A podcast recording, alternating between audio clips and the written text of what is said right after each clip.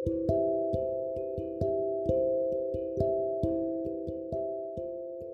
teman-teman Sigris, saya Chandra lagi bersama dengan Pak Cipto. Pak Cipto, saya ingin uh, mendapatkan nih uh, input masukan dari Pak Cipto apa yang dialami ya, didapat dari diskusi Sigris kita Rabu lalu ya mengenai kuasa dan otoritas Tuhan dalam Kristus Yesus. Tapi saya ambilkan ayat yang kita diskusikan salah satunya di Lukas 10 ayat 19 dikatakan di sini sesungguhnya aku telah memberikan kuasa kepada kamu untuk menginjak ular dan kalajengking dan kuasa untuk menahan kekuatan musuh sehingga tidak ada yang akan membahayakan kamu.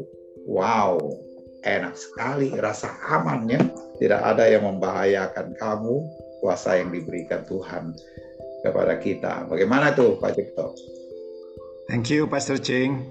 Ya, saya uh, setelah membaca ayat ini dan diskusi dengan teman-teman, saya diingatkan bahwa kuasa dan otoritas uh, di dalam yang kita semua dambakan ya, satu otoritas dan kuasa uh, itu sebenarnya bukan kita yang mengusahakan, tetapi semua otoritas dan kuasa itu adalah milik dari Tuhan Yesus.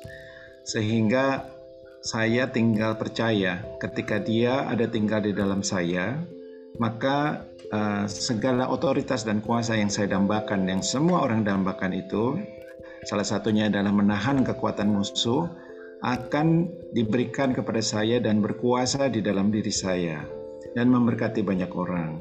Ya dulu saya bergumul ya uh, untuk membaca atau mengerti satu firman ya dengan usaha saya dengan pengertian saya untuk bisa e, berkuasa di dalam hidup saya. Salah satunya adalah saya tidak bisa tahan nafsu makan saya. Kalau malam itu jam 11 malam saya makan dan makannya banyak. Sehingga berat badan saya kelewatan sehingga istri dan anak-anak itu mulai tidak senang atau uh, merasa khawatir ya dan saya bergumul uh, tentang hal itu. Kenapa saya tidak punya kuasa dan otoritas terhadap tubuh saya sendiri gitu. Dan setelah saya percaya bahwa Tuhan Yesus Kristus itu begitu mengasihi kita begitu mengasihi saya sehingga saya uh, diingatkan bahwa otoritas dan kuasa itu diberikan kepada saya melalui Dia yang sudah hidup di dalam saya dan saya tidak usah mencoba untuk mendapatkan otoritas dan kuasa itu, tetapi percaya dan menikmati. Dan ketika saya makin lama makin percaya tentang hal itu, makin lama kok ada timbul satu kuasa di dalam dari diri saya. Misalnya salah satunya adalah intermittent fasting, yakni puasa 16 jam. Sehingga uh, berat badan saya itu turun dengan sendirinya tanpa usaha-usaha yang banyak dari saya dan itu tentu saja menyenangkan istri saya, menyenangkan anak saya, bahkan memotivasinya mereka. Nah itulah itu saja Pak Socing bahwa kuasa dan otoritas itu sudah ada di dalam kita uh, karena Tuhan Yesus Kristus itu hidup dan kita tinggal sadar bahwa Dia mengasihi kita dan kuasa dan otoritas itu diberikan dan kita tinggal menikmatinya. Terima kasih Pak Socing. Wow, terima kasih sekali kesaksiannya. Ternyata kuasa otoritas Tuhan itu menyeluruh ya, bukan saja eh, menahan kekurangan, bahkan menahan berat badan tubuh ya menjadi kurus seperti yang dialami Pak Cipto.